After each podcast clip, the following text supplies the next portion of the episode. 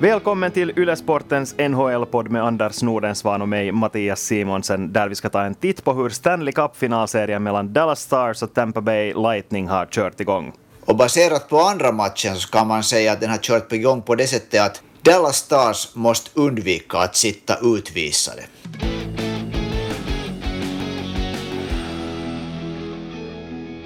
Det står alltså 1-1 i matchen mellan Dallas och Tampa Bay efter en match där Anton Kudobin stod på huvudet och en match där Tampa Bay verkligen visar att de inte tänker ge upp utan fight. Uh, Anders, vilka är dina tankar efter att ha sett två matcher mellan ligans bevisligen bästa lag? Den där första matchen var ju på, på det sättet liksom lite svår att ha något hemskt stora förväntningar. Det kom två lag som har på det sättet spelat i olika bubblor. De har, har kommit en, en från öst, en från väst och då vet man aldrig riktigt hur det, hur det blir när de slår ihop för första gången.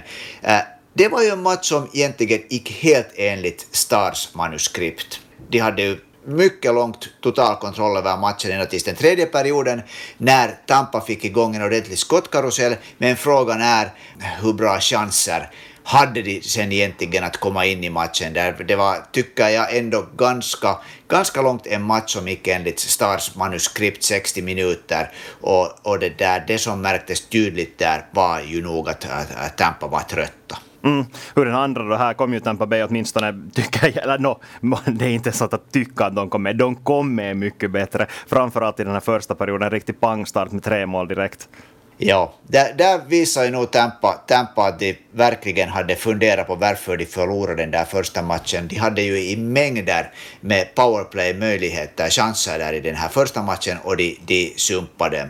Och nu så var de ju helt enkelt dödande effektiva i första perioden. De sköt tre mål nästan på sina tre första riktigt bra lägen och efter det, efter det så började de vänta att matchen skulle ta slut om man säger på det sättet. Mm. Eh, jag skulle lite vilja koppla tillbaka till det här som vi snackade om förra veckan och framförallt den här frågan om hur Tampa Bays stjärnor ska klara av att hålla sig i skinnet. Eh, vi börjar med den här första matchen. Här ska vi också igen lyfta fram det här osynliga jobbet som Joel Kiviranta gör på, på isen. Ett mål kom nämligen efter att Kiviranta tacklade Braden Point lite småfult, inte regelvidrigt åtminstone enligt domarna, men hur som helst så efter den här tacklingen så åkte Zach Bogosian fram till honom och glömde att bevaka målet, vilket sen ledde till att Dallas gjorde ett mål. Och det är just den här sortens hjärnsläpp som, som vi i det förra avsnittet konstaterade att Tampa Bay inte har råd med och John Cooper, alltså Tampa Bays tränare, håller bevisligen med oss. Bogosian var inte en del av laguppställningen i den andra matchen och Cooper kommenterade inte om det var på grund av en skada eller annan orsak, men han tränade ändå med resten av de här spelarna som inte var uttagna till truppen. Cooper sa också efter den här första matchen att det är bra att hans spelare vill stå upp för sina kamrater, men det är inte alltid det smarta att göra. Så jag läser det här mellan raderna som att han nu satt ner foten och sa i princip till hela laget med det här att om ni gör bort er på det sättet som Bogosian gjorde nu så kommer ni inte att få spela. Man får inte göra så i en Stanley Cup-final. Man får inte tappa humöret. Och en som lyssnade inför den här andra matchen, så det var verkligen Nikita Kucherov. Han hade en urusel inledning på den här andra matchen. Han tog en utvisning, åkte in i sargen, fick många fula klubbor till och med i ansiktet. Och det här lägen som han tidigare i slutspelet alldeles garanterat skulle ha fått honom att tappa nerverna. Men nu gjorde han inte. Och istället växte han i sin roll, behöll lugnet och spelade som en stjärna som eh, en spelare av hans kaliber ska göra och visa varför han valdes till ligans mest värdefulla spelare i fjol det, jag, jag, tycker precis som, som du att, att de gjorde bort sig, egentligen i många situationer i den första matchen med att, hur ska man säga, placera sig, placera sig fel, de koncentrerar sig på fel saker. Därför, det, här målet som, som Kivirantas tackling bäddade för var såklart riktigt ett praktexempel på när det var plötsligt blev hur mycket tom yta för helst, som helst för, för Roope Hintz att runda målet och sen kunde han ge den där passningen då som Joel Handley slog in, kunde skjuta, skjuta in i, i, i det där i buren bakom Vasilevski. Och då var det tycker jag en sån här viss, hur ska jag säga, det var lite, det var lite en sån här, som ett, lite sån här arrogans tycker jag, det där Tampas sätt att spela, att hej, hej, hej killar, att det där, och speciellt när, när en sån här liten, liten under 180 centimeter lång Joel Kiviranta kommer farande där och smäller in i deras kärnspelare, att, att, att, att, att han liksom på något sätt ville visa att, att det, här, det här går inte för sig. Och det är ju såklart klart, det gör man ju alltid. Men så var det också det där andra målet som Miro Heiskanens backpar Jamie Oleksiak slog in. Då var det också tre Tampa-spelare som åkte in dit mot Radulov som hade pucken och det blev helt tomt på mitten. Jag tyckte det här var på något sätt en sån här eh, ett symptom för att Tampa, jag vet inte vad det var som de tänkte fel, var de tröttare, vad det var för hjärnsläpp och Cooper gillar garanterat inte, men de liksom klumpade sig i, helt i flera spelare i, i fel ställen istället för att liksom sköta om att, att täcka ytor. Mm. Och jag tycker inte fast de nu bättra på, eller de här kärnspelarna bättra på till den här andra matchen, så tycker jag inte heller att det är ett bevis för att det kommer att hållas så här. Och vi har ändå bara sett två matcher av den här serien. Om det börjar gå sämre igen för Tampa Bay så tror jag fortfarande att det här kan vara ett problem för Tampa Bay. Dallas problem däremot, om vi riktar fokus på dem istället nu och den, deras insats i den här andra matchen, så skulle jag säga att deras problem var att de slarvade på tok för mycket. De verkar liksom nervösa. Eh, det, sen, det läge som jag skulle vilja lyfta fram, och det, det är förstås kanske lite fel att bara lyfta fram en sekvens i en 60 minuter lång match, men ändå titta på den här alldeles sista sekvensen i den här matchen. Sekunder kvar att spela, tekning i offensiv zon. Dallas vinner tekningen, får pucken till John Klingberg som ska vara en av de här stjärnorna som faktiskt levererar då när man har stor press på sig. Men hans skott misslyckades totalt och det var bara ett misstag i en rad av misstag som just Klingberg och andra stjärnor stod för under slutet av matchen då de verkligen behövde det här kvitteringsmålet. Och det här är någonting som de måste komma över. De måste på något sätt komma över den här insikten som de nu tydligen har fått att de faktiskt är i en Stanley Cup-final och att det är lite nervöst. Men så får det inte vara om de faktiskt vill vinna matcher. Och här måste man säga att det fanns en spelare som höll lugnet, höll sin nivå hela tiden och det var Miro Heiskanen han var, han var ju på det sättet inte så hemskt, hemskt supersynlig i den här matchen, men han gjorde ju nog som vanligt en, en massa, massa grejer rätt under matchen och spelade igen mest av alla Dallas-spelare. Jag skulle komma tillbaka till det här att de slarvar, så jag tycker att, att Dallas, Dallas nyckel i, den här, i, den här hela, i det här hela slutspelet, jag har någon tidigare talat om att, att tro på sin egen berättelse och vara självsäkra. Och just det här att man liksom dräller med puck pucken och, och det där, det fattas en sån här viss beslutsamhet som jag tycker det nu fattades för Dallas spel. Så det på något sätt tycker jag att, att antingen har det att göra med att vara för självsäkra och tänka att hej, att nu kirrar vi det här, eller sen var det, sen var det någonting som liksom inte riktigt stämde med den här hur man hade laddat sig för matchen, för det var liksom inte samma Dallas i den här matchen som i första matchen. Jo, det var det faktiskt i första minuterna. Men efter att Tampa gjorde sitt första mål så gick det för, för en ganska lång tid så tycker jag att luften på något sätt gick ut Dallas. Det, var, det kom så att en chock, det kom tre mål på fyra minuter och det var liksom, det på något sätt de paralyserades lite av det här. Och, och så tycker jag att vi kan gå in på det här att, att, att, att han, eh, Bonus kanske borde ha funderat lite om där hur han mixtrar med sina kedjor? Är det någonting som du har i tankarna när du tänker på det? Uh, nej, inte egentligen, men jag vet att du, du har mycket starka åsikter om det, så go, go ahead, berätta bara. No, jag tycker faktiskt det att, jag tycker att, Jamie Benn och Alexander Radulov tycker att har varit bra en längre tid nu redan det här slutspelet. Medan uh, Tyler Seguin inte riktigt lyckas Eh, lyfta sig. Och i en sån här match nu när de skulle ha behövt, när de verkligen jagade behövs, eh, behövde ett mål, kanske två mål, så det där jag satt där och väntade, varför testar han nu inte med det här att sätta in en sån här liksom ett energiknippe med det där Ben och Radulov, det vill säga jag skulle ha velat se Joel Kiviranta spela några, några byten med dem, för Ben kan ju nog, i och med att Ben gör så mycket det där, ta teckningar, han kan spela center också. Så det här var någonting som jag skulle ha velat se, men det är såklart, eh, kanske jag tittar lite genom, genom sån här eh, Kivir, Kiviranta-glasögon på det. Mm, och det har man all rätt att göra efter de här senaste tidens insatser. Men det som jag skulle kanske lyfta fram som det avgörande i den här matchen var eh, också hur Tampa Bay spelar framför Dallas mål. De sa efter den här första matchen att de måste få in mera kött framför Anton Kudobin. De måste se till att han inte ser de där puckarna som kommer mot mål, för han spelar så fantastiskt bra i den här första matchen. De måste göra hans liv svårare.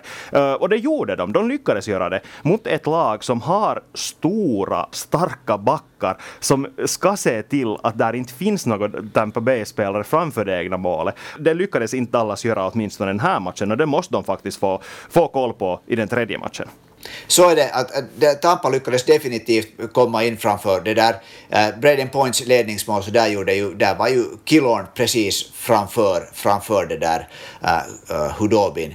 Och så lyckades Tampa också nu ha mera kontroll över, över, den här, över centrum framför det egna målet mot slutet började Dallas lite att forcera dit, men jag tycker att Tampa gjorde ett bra arbete, för jag, jag på något sätt tycker att den här första matchen förlorade lite på den här mittfilen mellan, mellan de båda målen, att, att Dallas liksom kom in i den medan Tampa hölls utanför den, och nu hade nog Tampa gjort sina hemläxor, de, de, de där lät, lät inte det misstaget upprepa sig. Uh, men sen tycker jag att man nog ser det här också, att hur viktig den här första kedjan för Tampa är, för de var ju nog bra. Då när de har sitt spel igång så är de, är de, det där, är de bästa kedjan i den här matchen. Det, kan vi, det måste vi helt klart säga. Ja, absolut. Det finns inte egentligen någon kedja i Dallas som kan hålla samma nivå då när de faktiskt vill spela på den nivån som de gör. Men där kommer vi igen tillbaka till det här att lyckas de faktiskt hålla sig lugna och fokusera på det här offensiva spelet, att faktiskt mala på där och skapa de här livsfarliga chanserna som de lyckades göra nu. Och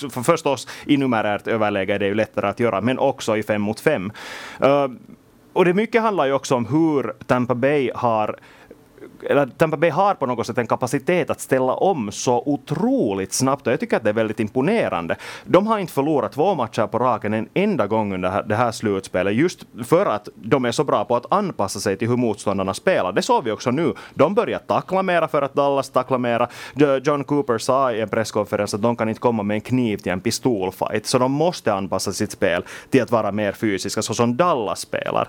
Och det här är någonting som just, du gick in på Rick Bones här tidigare, så det här är någonting som han faktiskt nu måste ta på sig, att se till att den taktiska biten för Dallas faktiskt matchar Tampa Bays taktiska. Definitivt, och det borde, det borde ju Rick Bones ha helt otroligt eh, bra verktyg att, att göra för att som, som de flesta säkert vet så jobbar Rick Bones i fem år för Tampa Bay Lightning. Han var assisterande tränare där från 2013 till 2018 det vill säga han var flera år assisterande tränare till John Cooper. Så han borde ju veta exakt hur John Cooper tänker och, och hur, hur han spel John Cooper vill att, att hans lag ska spela. Och inte bara det, utan det är ju fortfarande så Alltså att den kärnan i laget som tog Tampa Bay senast till finalen, finalerna 2015, så de är ju alla också kvar där, nästan alla, och de har också en mycket stark relation till Bones och Bones känner dem utan och innan. Så, så han tycker ju att Rick Bones borde ha det här, han borde veta exakt vad som behövs för att spela möjligast bra mot Tampa Bay Lightning. Mm, men vad tror du att det är då? Vad är det som Dallas måste göra för att ta sig förbi? Så det är ju alltid såklart så att, att, att när det är två bra lag som spelar mot varandra, så är det ju oftast så att det laget som är bättre och har mera kvalitet ska vinna en sån matchserie. Och då blir, det, då blir det till det laget som, som i det här fallet Dallas som kanske inte har riktigt samma eh, elitnivå på sina spelare. Då blir det för dem att hitta andra sätt att vinna och då har det ju nog ofta mycket, mycket att göra med det som egentligen ju är eh, Dallas kärna.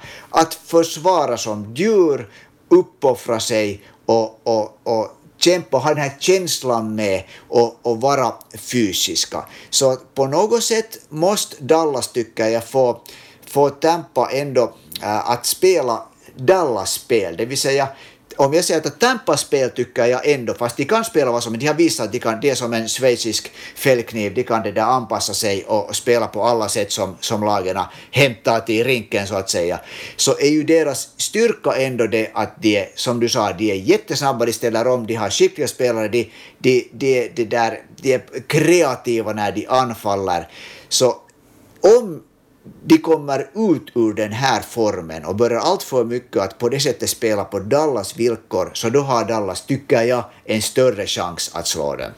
Jag håller med, men jag tycker också att det viktigaste nu är att som man säger på engelska, keep it stupid simple. Sätt många killar framför målet, se till att de hålls där framför Tampa Bays mål, sätt puckar från blå linjen, få dem genom den här köttmassan, få dem dit mot Andrei Vasilevski som inte har någon koll på var pucken är när den kommer från bakom tre olika spelare, så att någon Joel Kiviranta eller annan är där för att sen slå in returerna. Det tror jag faktiskt att kommer att vara det viktigaste och det, det är de här skitmålen som kommer att avgöra den här serien.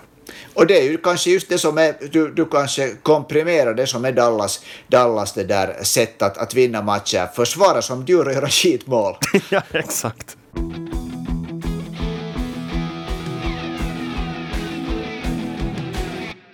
Men nu Mattias tycker jag att vi riktar lite blicken till sådana pris som ren har blivit utdelade, eller åtminstone vet vi vem som vinner den, det vill säga de tunga titlarna i NHL och då gäller det, då gäller det ju egentligen prestationerna för grundserien i NHL. Mm. Vi vet alltså nu vem som har vunnit de här personliga spelarprisen som delas ut för på basis av prestationer under grundserien. Och jag tycker att vi fokuserar på de här två stora som brukar väcka diskussion, alltså Hart Trophy för grundseriens mest värdefulla spelare och Vesina Trophy för grundseriens bästa målvakt. Uh, där hade vi ju finländare Tuukka Rask som blåvit kandidat, men priset gick till Connor Hellebuck från Winnipeg Jets. Och själv tycker jag kanske att man inte man kunde inte göra fel val i år. Hellebuck, Rask och Andrei Vasilevski som alltså var tredje kandidat, så de var alla väldigt jämnstarka. Det fanns inte något fel val här att göra. Håller du med?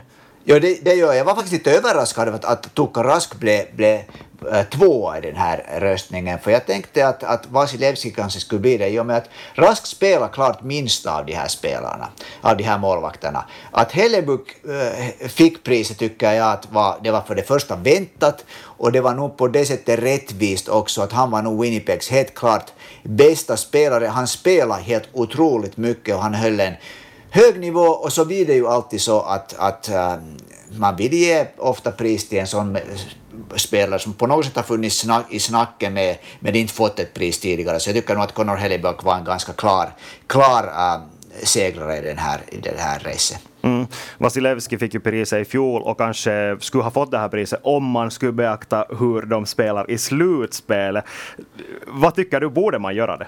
No, jag har ett problem med de här, med de här NHL-priserna. Jag, jag tycker på något sätt att, att grundseriepriserna i princip borde delas ut på bas av eh, statistik. Bäst, mest mål, mest poäng, bästa räddningsprocent, kanske också någon annan för målvakterna, minst, min, eh, minsta liksom målsnittet, kanske till och med vem som har vunnit mest. Men på något sätt tycker jag att, att där är det, är det, det där äh, de här, de här statistiska prestationerna som är viktigare. När man delar ut till spelare som har varit liksom bäst så har jag så svårt att inte vilja säga att man tar slutspelet i beaktande därför. Det är, liksom, det är ju ändå där som allt avgörs och vi har så många gånger sett att spelare som är bra under grundserien, som också har tagit pris i sådana här stora individuella pris, ofta har en tendens att försvinna när det börjar spelas om, om det där stora grejer. Så därför har jag lite svårt med det här systemet som, som, som säkert kommer att fortsätta som det är oberoende av vad jag tycker. Mm, men samtidigt har vi ju ändå, det finns Conn Smythe Trophy som delas ut till slutspelets mest värdefulla spelare, så det finns ju redan ett pris för en sån här som visar framfötterna i slutspelet. Är det, är det inte lite onödigt att på något sätt dela ut samma pris två gånger? No, jag tycker att man skulle kunna ha det på det sättet det är en, det är en helt special grej att vem är bäst under det här, det här slutspelet. Då kan det komma i princip någon sån här Joel Kiviranta in eller någon vem som helst som hoppar fram och gör en helt, eller Hudobin, ingen skulle ju, som, som i och med att, att Ben Bishop skadade sig så fick plötsligt Hudobin ta ett jätteansvar. Jag tycker det är en sån här liten, liksom, det är sin egen värld det där slutspelet.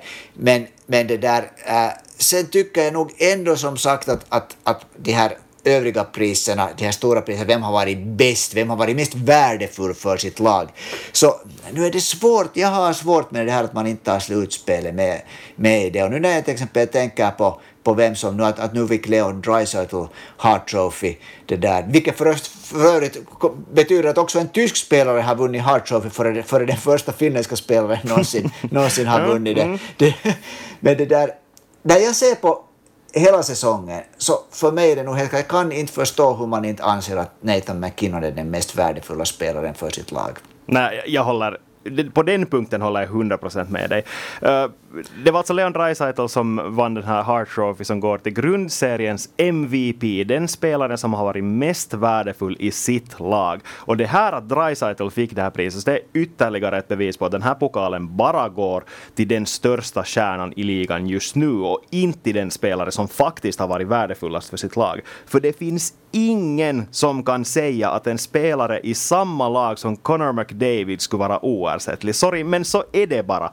Och det är i mina ögon är det just det som man ska använda som mätare för att hitta den spelare som är den mest värdefulla. Och om man tittar på ligan just nu så borde det inte vara något snack om saken. Det är Nathan McKinnon som ska ha det där priset. Utan honom skulle Colorado inte vara nära den nivå som de är den här säsongen. Edmonton skulle absolut ha kunnat ta sig till play-in också utan Dreisaitl. Och jag vill understryka nu att jag inte överhuvudtaget menar att han skulle vara en dålig spelare. Han, han är tvärtom en av ligans bästa spelare, kanske till och med den bästa just nu. Det, men helt enkelt så är han inte så viktig för Edmonton som det här priset, så som det heter just nu, får det att låta som. Nej, jag, jag, jag på något sätt också har hemskt, hemskt svårt med det här. Som sagt, när det finns både, både McDavid och Dreisaitl i samma lag. Okej, nu spelar de ganska mycket i olika kedjor och Dreisaitl var jättebra under en sån tid som McDavid var, var borta på grund av skada där.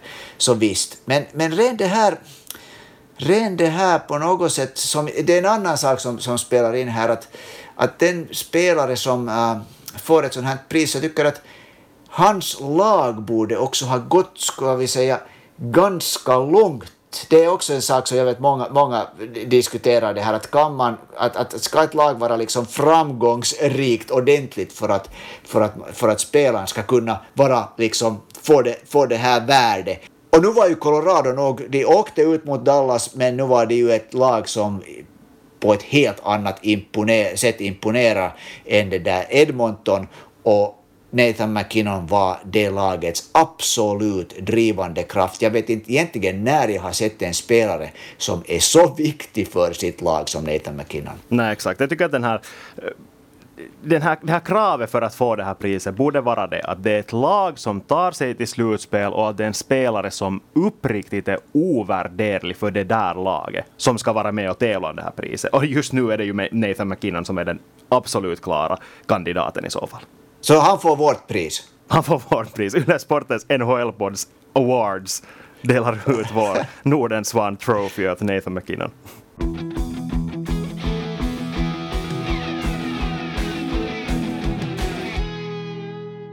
Också den här veckan har vi fått in massvis med frågor av er lyssnare. Det är vi väldigt tacksamma för. Dessvärre kommer vi inte att hinna svara på alla, men vi gör ett tappert försök åtminstone. Anders, den första frågan den kommer av Jonas. Han vill veta om Joel Kiviranta skulle vara den första odraftade finländaren att vinna Stanley Cup. Och svaret här är nej. Antti Niemi var också odraftad och vann ju Stanley Cup med Chicago 2010. Men Philips fråga, den kan vi ta ställning till både du och jag. Han undrar nämligen om Tampa kommer att falla på grund av Braden Points hälsa. Vad tror du?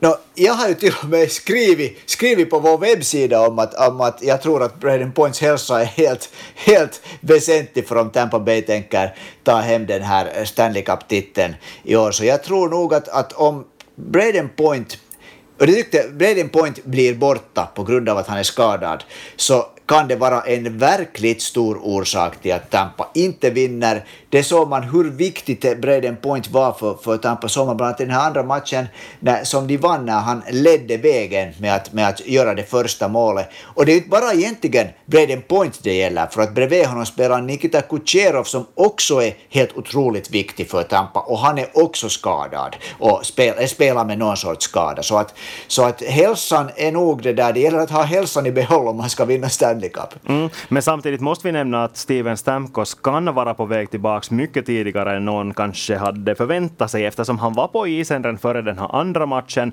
Jag tror inte personligen att han kommer att spela i den tredje eftersom det såg så bra ut i den här andra matchen. Men om till exempel Dallas vinner den tredje och Braden Points skada visar sig fortfarande hålla i så skulle jag inte vara överraskad om Stamkos är med i match nummer fyra.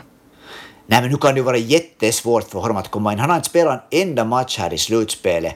Att hur han sen plötsligt ska komma in och inte vara fruktansvärt ringrostig när, det där, när man spelar Stanley Cup-finaler. Uh, jag ställer mig nog skeptisk till att han skulle, skulle ha kunnat ha en inverkan kanske annat än i, än i powerplay. Att, att, jag tycker att om man ställer till exempel det att point mot Stamkos för tillfället så är point mycket, mycket viktigare än Stamkos. Och till sist så har vi Linus som undrar om Dallas har gynnats av att matcherna spelas utan publik. Va, vad tycker du? No, antagligen äh, kanske han syftar på att, att är det så att, att, att Dallas inte hör till de här riktigt stora NHL orterna och kanske inte har samma publikstöd som många andra, andra lag. Men det stämmer ju inte. Dallas har faktiskt riktigt mycket publik, är det inte på det sättet? Mm. Enligt ESPNs statistik från den här gångna säsongen så har Dallas tredje störst publiksiffra av, uh, i hela NHL faktiskt. Och nu, nu talar vi om alltså totala publikmängden, inte procenten som de har fyllt av arenan. Till exempel de här kanadensiska lagen är ju kända för att de, de, de säljer slut i princip varendaste hemmamatch. Eh, men Dallas har tredje högst eh, åskådarantal, Tampa Bay på plats nummer fem, också en ort som inte är känd för att vara väldigt så här, eh, ska vi säga ishockeyälskande, men nu har de här lagen hittat sin egen publik. En väldigt trogen anhängarskara har bägge två. Det som jag däremot tror att är en liten fördel är det att Dallas har spelat i den här västra bubblan hela tiden. De har varit i Edmonton från första början, Tampa Bay kom dit först i konferensfinalerna, men de har redan också varit där så länge så jag tror inte att det längre påverkar.